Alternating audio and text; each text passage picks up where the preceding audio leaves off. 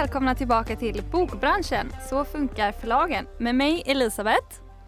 Och mig Nora.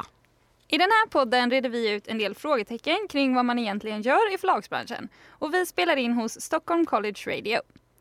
Denna podcast genomförs som vårt projektarbete på förlagskunskapen vid Stockholms universitet. Dagens avsnitt kommer att handla om frilans inom förlagsbranschen och med oss i studion har vi Kajsa Olofsson, frilansande PR-konsult med marknadsföringsuppdrag på bland annat Modernista. Och Kajsa har också sin egen firma som heter Ascari. Varmt välkommen hit! Tack så mycket! Vi skulle gärna vilja börja med att veta lite mer om din bakgrund. Vad har du pluggat och jobbat med tidigare? Skulle du vilja berätta lite om det och hur du sen blev PR-konsult som det är idag? Absolut. Ehm, jag visste ju inte alls att jag skulle göra det här. Det tog ganska lång tid för mig att börja plugga överhuvudtaget. Och jag gjorde det först kanske när jag var närmare, ja, närmare 30. Men Eh, jag ville egentligen bli språkkonsult ett tag fick jag för mig och så var det antagning bara varannat år och så precis när jag tyckte att men nu i höst ska jag plugga då missade jag den antagningen då vad det skulle liksom vara nästa år. Men då hittade jag någonting som hette retorikkonsultprogrammet på Södertörns högskola istället som var startat av språkkonsulter. Men så var jag som jag alltid är då lite rastlös så att jag gick inte klart precis hela den här alla tre åren på retorikkonsultprogrammet. Utan jag eh, hoppade på en marknadskoordinatorutbildning på IHM också. Mm. Eh, och medan jag höll på med, med allt det här pluggandet så um, jobbade jag extra på Pocket Shop hela tiden vid sidan av. Och ganska mycket faktiskt egentligen också. Eh, och där fick jag hela tiden kontakt med förlag. Um, och litteraturintresset har jag ju, även om jag aldrig har pluggat litteraturvetenskap eller förlagskunskap för den delen heller, så ja, sen jag lärde mig läsa när jag var liten så har jag läst. Så när det då var, var dags för praktik under mina utbildningar så hörde jag mig till eh, förlagen helt enkelt och så gjorde jag praktik på förlagen, ganska långa praktikperioder och väldigt, väldigt bra och omfattande och så ordentliga uppgifter och sånt eh, nästan, ja men faktiskt också skarpa uppgifter där jag på riktigt bidrog i deras arbete. Så. Mm. Och så kom jag på att men det här är ju väldigt, väldigt roligt. Men sen någonstans där också så har jag alltid haft den här drömmen om att jag vill bli copywriter av någon anledning. Um, och så det första jobbet egentligen efter att jag var klar med mina utbildningar var just att jag fick ett vikariat på en reklambyrå som copywriter. Okay. Mm. Um, och det tog ju då, ja men det vikariatet kanske var något år eller mer. Och under den tiden så kom jag på att nej, det här, det, jag vill inte alls göra det här. Det var skönt att komma på det, att jag trodde att det här var min dröm och jag vill verkligen inte vara det. Uh, och då började jag tänka så här, va, men, ah, vad ska jag göra då? då? Va, nu måste jag ju tänka om och lite också det där, är det här bortkastat? Bla, bla. Men jag eh, insåg jag också att jag kunde ge mig in på just PR-biten också när, när man har pluggat så mycket retorik. Och där kom jag in på, på PR-spåret och där, jag har faktiskt fortfarande så vill jag inte lämna det. Jag kan vara skitledsen ibland men jag, eh, jag älskar det jättemycket faktiskt. Nej men jag tycker det är så skönt att höra om någon som inte haft en spikrak väg och de flesta har ju kanske inte haft det men det finns ändå en sån bild att ja. man ska göra rätt hela tiden. Men att göra någonting och så känna av och sen styra om det, det, mm. det, det tycker jag är ett bra sätt liksom. Det är lite som mig med, med lärare. Jag var lite så här, språkvetare, sen blev jag lärare, sen så började jag plugga förlagskunskap. Liksom. Så ja, har också varit lite så. och jag menar, och du kommer alltid ha nytta av allt det. Ingenting är ju heller Precis. förgäves. Som du sa, de där spöktankarna, liksom, är det bortkastat? Men det är ju aldrig det. Nej. Man tar ju med sig allting. Hur blev det att det blev frilans för dig? Liksom? Hur länge har du frilansat och var det ett aktivt val? Föll det sig så? Um, hur kom det att bli så? Uh, jag har frilansat i ungefär ja, men, snart tre år.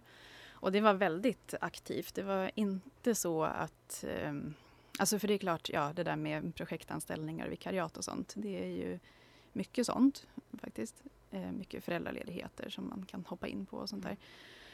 Eh, men det var faktiskt inte så att, att det inte fanns jobberbjudanden eller att det var det enda jag sen var hänvisad till på något sätt. Utan jag var nog ganska, eller eftersom jag också är ganska rastlös så, så har jag, längtar inte jag efter en fast anställning någonstans heller för jag är inte den typen av, av människa. Eh, men jag tyckte att jag hade samlat på mig tillräckligt mycket eh, kontakter egentligen eh, för att faktiskt kunna vara egen och testa det. Och sen tyckte jag alltid så här också, men vad är det värsta som kan hända? Det värsta som kan hända är att det verkligen går åt helvete och då får jag ju söka ett jobb igen.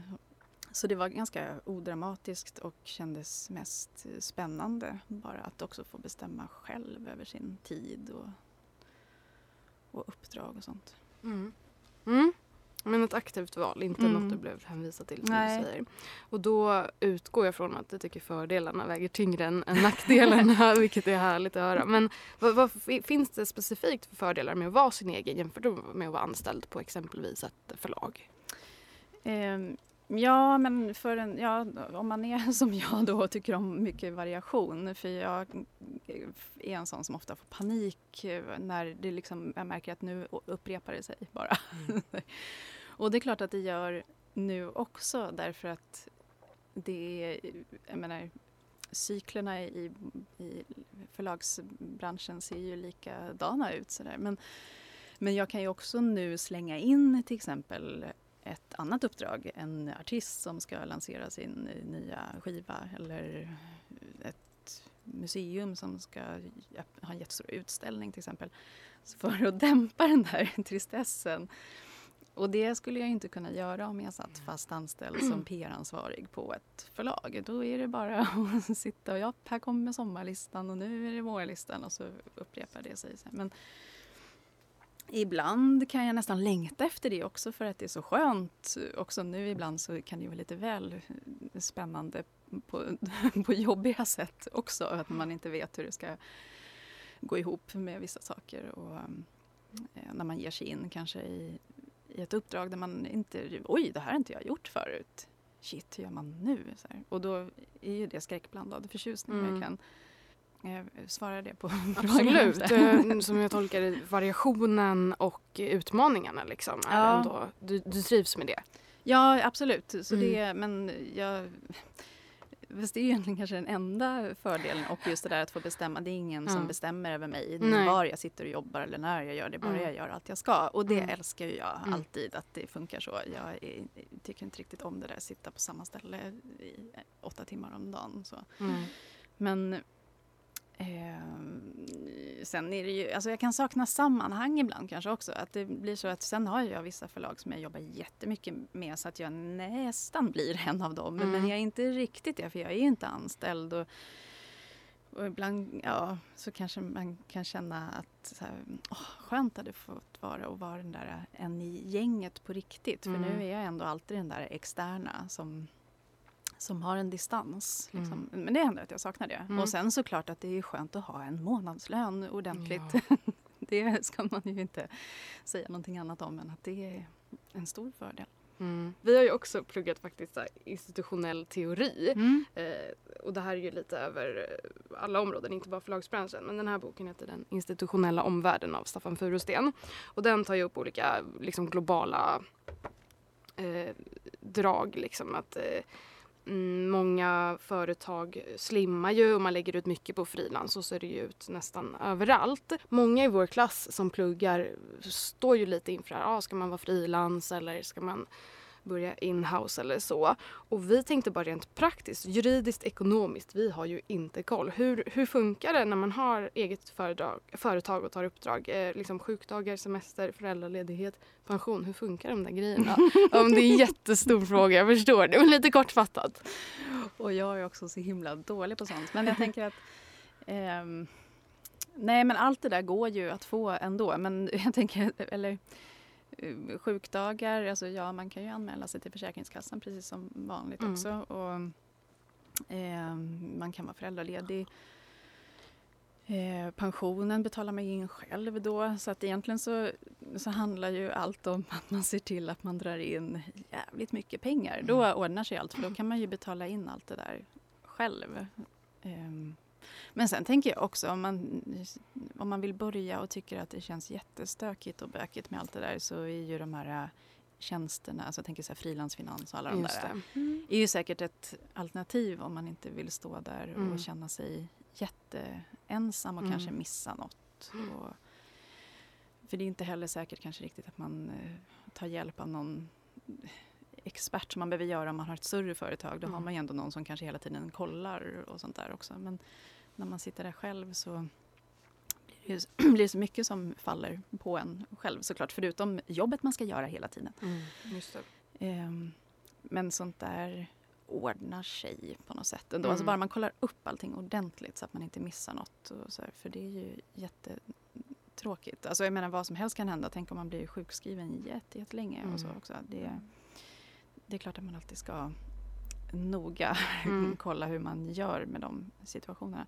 Men jag har inte upplevt att jag tycker att det är problematiskt Nej. för mig eller så. Och då har jag ändå två barn och jag behöver alltså verkligen Mm.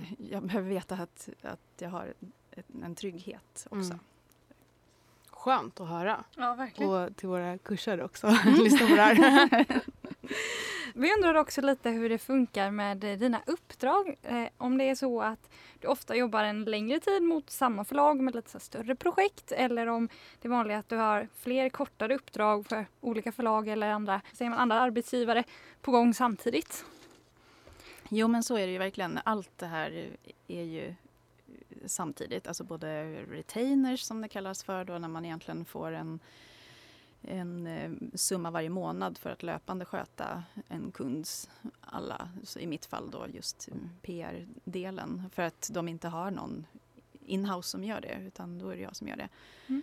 Ehm, och det är ju skönt att ha om man är frilans att man vet att det här kommer alltid in varje månad i alla fall. Ehm, och sen har jag de här som lägger ut vissa titlar på sin eh, mm, ja, höstlistan till exempel att de här är jätteviktiga PR-titlar för oss. Och då kan det vara så att förlaget redan har såklart en PR-person men det blir väldigt mycket att göra för den. Och sen kanske det finns då de här måste vi lägga extra mycket krut på av olika anledningar för att det är jättestora författarskap som är jätteviktiga. Och måste komma ut ordentligt och sånt. Ibland kan det vara ren författarvård också. Eh, att författaren ska känna sig sedd. Och titta här, vi har lagt en extern på dig till och med som bara sköter lanseringen av din bok nu och så. Eh, och sen är det en del, ofta mindre förlag som eh, känner att äh, för det mesta behöver vi inte någon hjälp men nu i år kom den här och då vill vi nog lägga lite extra på just den. Sådär. Och allt det här är samtidigt. Mm. Ehm, så det kan bli väldigt spretigt och det gäller att så här, hålla koll på allting. Ehm, så det, alltså, det är ju lite så här hur, hur man själv vill ha det också. Alltså vad man, vad man föredrar. Men sen, ja, jag kan inte riktigt i vissa lägen så kanske jag inte kan säga nej heller till vissa grejer för att det, det är bra pengar in för att man behöver det. Så det, är allt, det är så mycket hela tiden som ska stämma med varandra.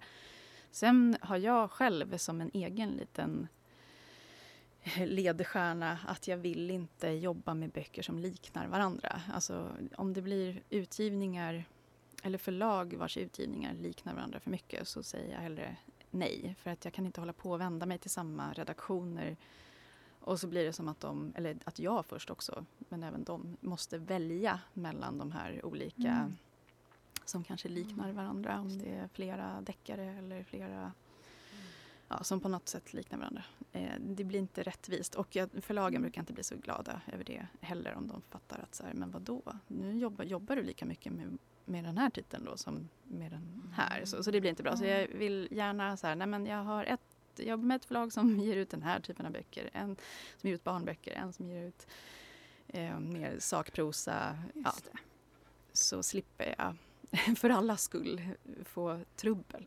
Vi har ju förstått eh, på lite gästföreläsningar och sånt vi har haft med eh, andra frilansare i branschen som har bland, varit bland annat korrekturläsare och lektörer och allt möjligt att eh, det är inte så ofta man kanske har ett skriftligt avtal med dem man gör eh, eh uppdrag åt. Och eh, i den här boken som vi använder ganska mycket, The Editor's Companion av Mackenzie, så uppmanar hon ju verkligen att eh, man som frilansare ska ha ett skriftligt avtal. Och då tänkte vi lite hur det funkar för dig, både för dina återkommande uppdrag och för de du gör mer tillfälligt. Brukar ni ha avtal eller är det mer att man hörs på mail och sådär? Det, nej, det är nog inte så många avtal faktiskt. Nej. Och jag undrar om det är branschspecifikt för jag mm. tycker mig inte riktigt eh, märka att det har varit så tidigare. Men då har jag ju liksom suttit egentligen på jag, när jag varit på andra byråer liksom, så har man ju jättestora uppdrag ibland och det är klart att där måste det ju skrivas verkligen allting, vad som ingår och inte och så. Men nej, så jag har inte det med alla. Men i vissa fall, och då är det faktiskt ofta uppdragsgivaren som, som vill ha någonting. Mm. Då i samband med att jag skickar min eh, liksom, PR-plan som de ofta tittar på som egentligen funkar pyttelite som en typ av offert fast ofta i det läget så är det redan ganska bestämt att jag ska göra det här men de vill bara se hur jag har tänkt mig. Då har jag alltid en liten så här, med också vad som gäller, vad jag... Så att det, inte, det är väldigt lätt att man gör mer än vad man egentligen eh, ska göra på något sätt. Ehm, och då så här, det här gör jag, en liten punktlista så också. Men väldigt sällan signerade saker och så, mm. tycker jag. Men det, jag tycker ju att det är synd att det är så. Alltså det vore väl såklart bäst om, om, det, om man gör så, så att det blir tydligt och klart. Och, för det är klart, alltid uppstår det ju problem mm. någonstans, någon gång. Och då är det ju knepigt liksom. Ja, men precis. Ja men det är bra att höra hur det funkar i alla fall så man vet om man blir ny frilansare att det är inte panik om man inte får avtal i början. Nej, nej det är det ju inte. Nej. Eh, det brukar gå bra för det mesta. Mm. mm. Folk är mm. snälla liksom. Man mm. håller inte på och blåser varandra. Alltså det är väl mer det också att man litar på varandra på något sätt. Och att det är en ganska liten bransch. Ja. Om man blåste varandra skulle det bli ganska jobbigt sen kanske. Jo, det blir det ju. Då snacket ja. går ju. Ja. Och det händer ju också ja. att det gör, alltså, att det blir så. Att det pratas om vissa som mm. inte är pålitliga. Och, mm. Men du har ju varit med i leken ett tag. Du, du sa att du har frilansat i tre år. Mm. mm. Men du har ju jobbat länge och har säkert rutiner. Jobbat med eh, PR i typ tio år tror jag räknat ut någon gång. Eh, just med frilans då, hur, har du rutiner för hur du skaffar uppdrag? Eh, du var faktiskt inne på det lite grann. Men hur du bedömer om ett uppdrag passar dig. Ehm, har du, någon, du sa att du hade en ledstjärna att inte göra likartade på samma gång, liksom, en bredd så. Men är det andra tankar som den här boken vill jag inte göra eller, eller det här eh, uppdraget är inte för mig. Har du något tips om man ska komma igång och frilansa, hur man, hur man väljer om man får flera anbud? Ja, det har jag absolut. För ja, det händer verkligen att jag säger nej mm. till flera saker än jag säger ja till mm. faktiskt. Mm. men då är det ju egentligen mycket så här magkänsla mm. också. Att uh, nej men, den här boken tycker inte jag känns viktigt ens att den säljs eller att någon ska läsa den. Alltså så kan det ju kännas verkligen i, i hjärtat mm. ibland. Och ibland så kan jag också på förhand veta att oh, det här kommer bli helt hopplöst. Det kommer inte att bli bra. Jag kommer inte kunna pitcha in den här någonstans. Mm. Um, och då vet jag ju uh, hur besviken liksom, förlaget kommer att bli och författaren och alla. Så då säger jag hellre nej och så får någon annan mm. ta det istället som kanske skulle göra ett bättre jobb. För att jag vet ju absolut mina svagheter också. Så, så jag, nej, jag tar faktiskt aldrig längre på mig uppdrag där jag känner att, inte, att jag inte kommer kunna mm. göra ett bra jobb. Mm. Eller att jag inte bryr mig. Eller så här, utan jag får så mycket ångest av det så att jag mm. vill inte försätta mig i de situationerna mm. längre. Men man kan och får säga nej alltså? Det så, får man verkligen göra. Och mm. jag tycker också att många blir väldigt glada av det nästan. Alltså det som händer är ofta att ja men kan du rekommendera någon annan då?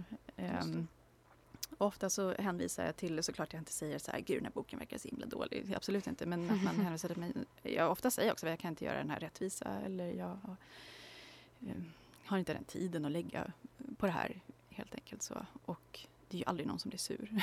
Nej, skönt. Nej, då är man ju professionell om man kan säga så. Men ändå så här, alltid svara tror jag är Ja. viktigt också. Ja. Man inte bara så här, nej det där skiter jag i. Så, här, Ja. så finns det ju folk som funkar också. Ja, men eh, absolut. alltid säga Mm. tack men nej tack. Mm.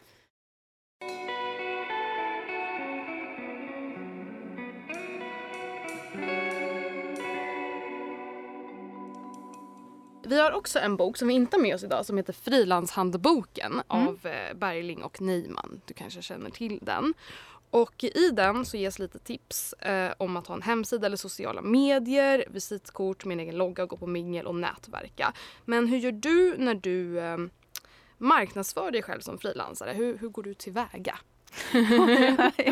jag är så dålig på det verkligen. Det där typexemplet på, på det man jobbar med kan klara, behärskar man inte när det kommer till sig själv. Så jag är jätte, jättedålig på det. Det finns faktiskt jättemånga som knappt fattar att jag gör det jag gör och blir förvånade som faktiskt ändå har en koppling till branschen också som bara vad gör du det där för att jag är så himla dålig på det. Ehm, men jag tror också att det, jag har inte känt att jag har behövt det heller. Ehm, jag, det liksom, jag, får, jag har varit väldigt bortskämd med att få uppdrag utan att behöva eh, liksom vara ute och ta massa säljmöten eller hålla på. Så. Eh, men, men sen ser jag ju andra som... Jag tycker det är jättebra och intressant att se också såklart vad andra gör. Jaha, jobbar den med det nu och den har ett uppdrag där. Så andra så i, branschen som gör samma sak som jag gör ser jag ju gör det där alldeles eh, galant och särskilt i sociala medier hela tiden så visar på vad man oj nu fick drog vi in det här uppdraget och nu ska vi göra det här och man tar mycket bilder och lägger upp hela tiden och sånt. Eh, och jobbar väldigt mycket så här i, på LinkedIn och, och Facebook och Instagram och allt eh, samtidigt sådär. Eh, jag tror att det är en bra sak och särskilt om man är ny också så Mm. tror jag att det är viktigt att visa jag blir mer sådär, jag vill visa resultat eh, hela tiden egentligen. Så att eh, på den lilla Facebook-sidan som vi har, där tycker jag om att lägga upp så här att titta vad vi fick, fick in här nu Mm. eh, med den här. Och, ehm, ja men såklart också för spridningens skull. När det är en artikel så blir ju både ja, men, tidningen eller radiokanalen eller vad det nu kan vara glada över att det har delats. För det betyder ju någonting för dem också såklart i dessa tider. Ehm, och för författarens skull såklart också att man visar att, att man är intresserad av att det ska synas och så. Mm. Ehm, så jag är nog mer sådär, jag är inte jättebra på att skrika om mig själv men jag vill visa vad jag har lyckats åstadkomma mer så. Mm. Ehm, vilket ju också gör att jag är ju aldrig, jag har ju inget så här namn i branschen eller något tror jag för att just också att jag inte håller på och hojtar så mycket. På gott och ont kanske, jag vet inte. Men Det låter ju som att du får vara lite doldis som du kanske vill och du drar ändå in tillräckligt med uppdrag. Så att det verkar Ja. ju som att du inte heller behöver kanske. Eller? Nej, men jag tror att jag kanske också är lite skadad av att ha jobbat i, PR-branschen, alltså i den så här, stora PR-svängen och där, den är så väldigt fokuserad på att de själva liksom byråägarna eller så här, att det är de som syns så fruktansvärt mycket och jag tycker inte riktigt om det. Eller för jag tycker Nej. att så här, men det är ju dina kunder som ska Mm. synas så det handlar väl egentligen om min högst personliga syn på, på PR helt enkelt egentligen. Mm. Ehm, men jag, jag tycker att man, alltså, det kan man göra om man, Mm. om man vill Mm. eh, synas och, och liksom tjata och så här. Det, jag tycker det är jätte, jättebra. Mm. Men också bra att det finns ett annat sätt. För jag tänker många som lockas till förlagsbranschen Jag kanske inte är Eh, så nej. intresserade heller Nej. av det där. tänker att du nog inte är så ovanlig ändå att du gärna jobbar med det mediet men för någonting som du tror på och tycker är bra och vill låta produkten Mm. tala. Liksom. Eh, och så kan jag nog tycka att många i vår klass är inte de mest extroverta liksom, utan ja, vill jobba för boken. Liksom. Ja men precis Ja. och visst det händer någon gång, så, några gånger om året så känner jag ändå mig så pass stolt över någonting som jag gjort så att jag faktiskt också kan så här, skryta om det Mm. i mina så här, privata kanaler. Men då Mm. får jag alltid ett ångestpåslag efteråt. Det så här bara, nej, nu, åh, nu tycker folk att jag är jättedryg. Men, ehm, men det finns ju så många andra sätt att göra också. Du nämnde mingel och sånt också. Så, alltså, mm. Sånt är ju viktigt mm. också, tycker jag. Mm. Alltså viktigare nästan. Jag ser ofta till att jag går på såna grejer för att vara där. Alltså ofta så ger det någonting nästan mm. varje gång man har varit där. För man börjar prata med någon som sen eh, som man kanske inte har en naturlig kontakt med annars heller men man är lite bekanta och så ja men du vet du jag tror att jag har en grej till dig och så går man därifrån med ett uppdrag. Det är ju jättebra. Så möten IRL, liksom, personliga möten är fortfarande viktiga? Ja, jag tycker det mm. faktiskt. Bra, tack. Ja, då tänkte vi frångå just eh, frilansaspekten lite och komma in på de arbetsuppgifter du gör inom eh, marknadsföring. Eh, har du några exempel att dela med dig av till lyssnarna? Vad gör man när man jobbar med marknadsföring för ett bokförlag då kanske framför allt egentligen? Ja, det är en bra fråga men det ser så olika ut också beroende på vad, vad förlaget behöver hjälp med. Man ska säga. Men just i mitt specifika fall så är det ju ren traditionell pressbearbetning. Liksom. Och eh, jag brukar vara väldigt så här, noga med vad, vad, så här, vad är det jag ska göra och vad är det förlaget gör. Det är så här, recensionsutskicken får alltid de stå för till exempel. Um, och jag tjatar, tjatar, tjatar på medier men jag sitter också och kommer på vinklarna.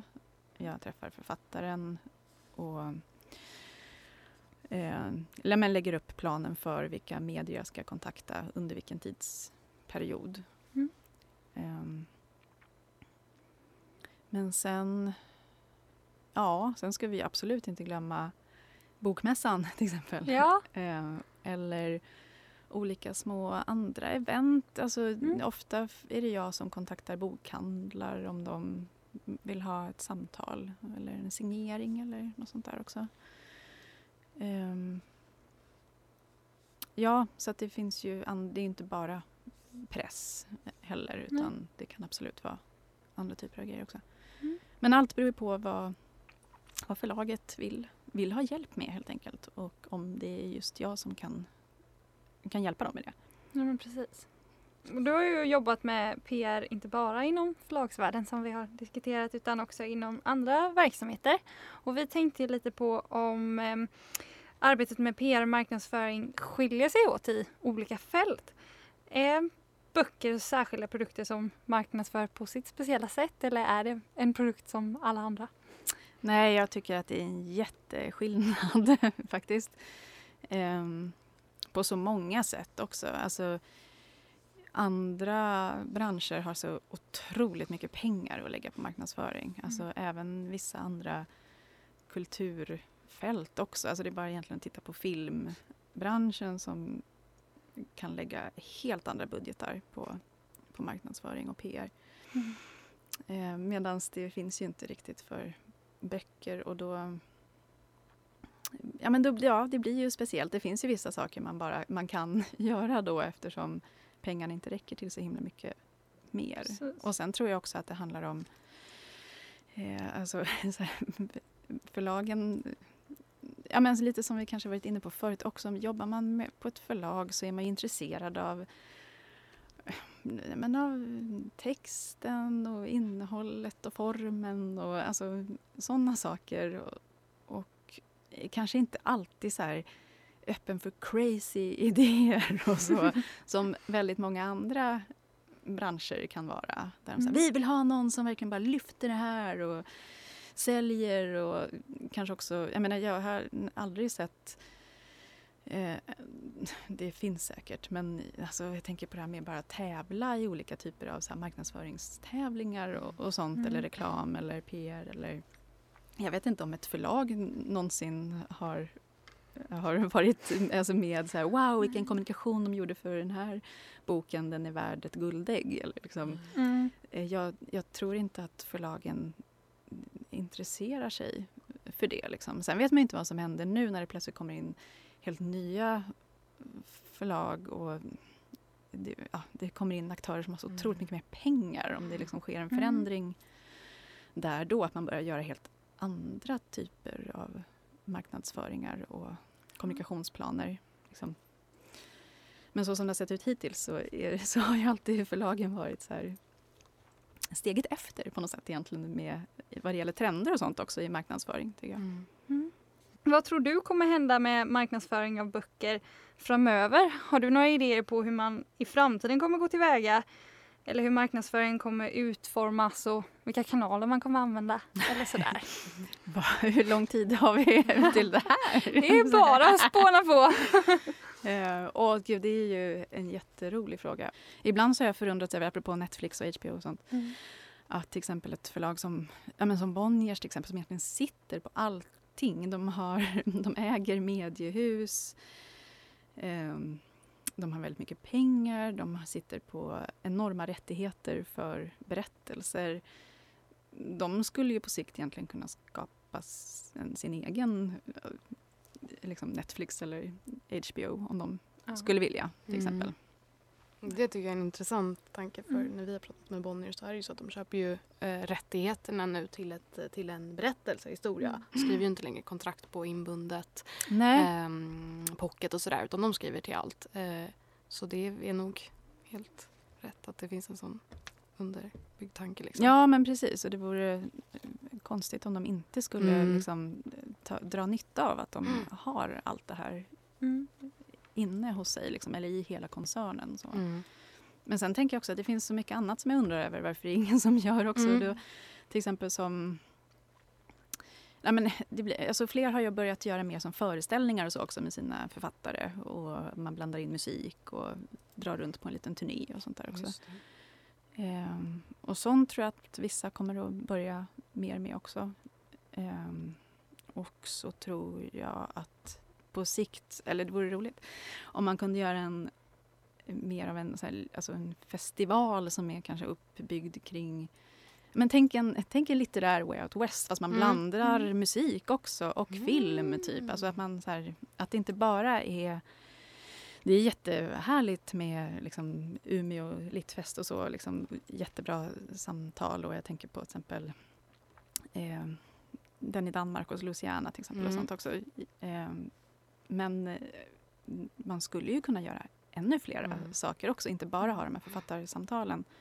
Utan jag tror att de som är där och tittar och lyssnar, de, det finns ju andra saker som de skulle kunna gå och titta på och vara intresserade av mm. också. Eh, liksom. Det är ja. konstigt tycker jag ibland, ja. att det inte är någon som... Men just utav de här stora som ändå sitter på, mm. på möjligheterna på något sätt. Vi pratade om eh, Feelgood-festivalen med Anna Levan på Print som ja, är där också. Det. det. var, det var roligt. Den är ju ganska nyuppstartad. Ja. Eh, men jag, ja, men jag tänker på det där med eh, bara en instickare. När författarkvällar och aftnar och sådär på Rönnells antikvariat till exempel har vi gått någon gång. Vi, det är ju alltid vi som är yngst. Det är mest gamla ja. där. Och och samtidigt tycker jag när vi har Goodreads och så att, att vi ser ju att andra kompisar i vår ålder läser jättemycket. Men när jag går på de här så är det bara vithåriga personer där. Liksom. Ja. då känner man sig lite udda så drar man sig lite för att gå tillbaka och så. så jag tror att det finns ett behov av, av ytterligare vad säger man, platser. Ja, verkligen. Att... Det enda som när det inte är så faktiskt, mm. det är ju när det är poesigrejer. För då är ju ah. folk jätteunga. Där är ju typ alla coola, snygga så fort det är en poesi, poesiuppläsning så är det det då är folk 20 bast. Ah. Ja, absolut. Och mm. ascoola alla. Så här, så man blir, Svartklädda. Jag blir så nervös över att vara där och känner mig jättetöntig. Um, så ja, nej, men jag håller med om, om det. Alltså att det mm. finns ju, för det är inte så att yngre inte läser. Liksom, utan, men man går inte på en sån nej. grej. Nej. Det uppmanar vi de som lyssnar. Fler ja, platser. Det är jätteroligt ju. Vi pratar litteratur. Eh, så bra spaningar tycker jag. Vi har ja. hållit på lite med omvärldsanalys och trendanalys och sådär. Men det är ju alltid verkligen ett stort mått av, av osäkerhet. Man kan ju aldrig veta. Men det är Nej. ändå så kul att diskutera. För att eh, det är så öppet. Vad som ja, helst kan hända. det är ju det. Mm.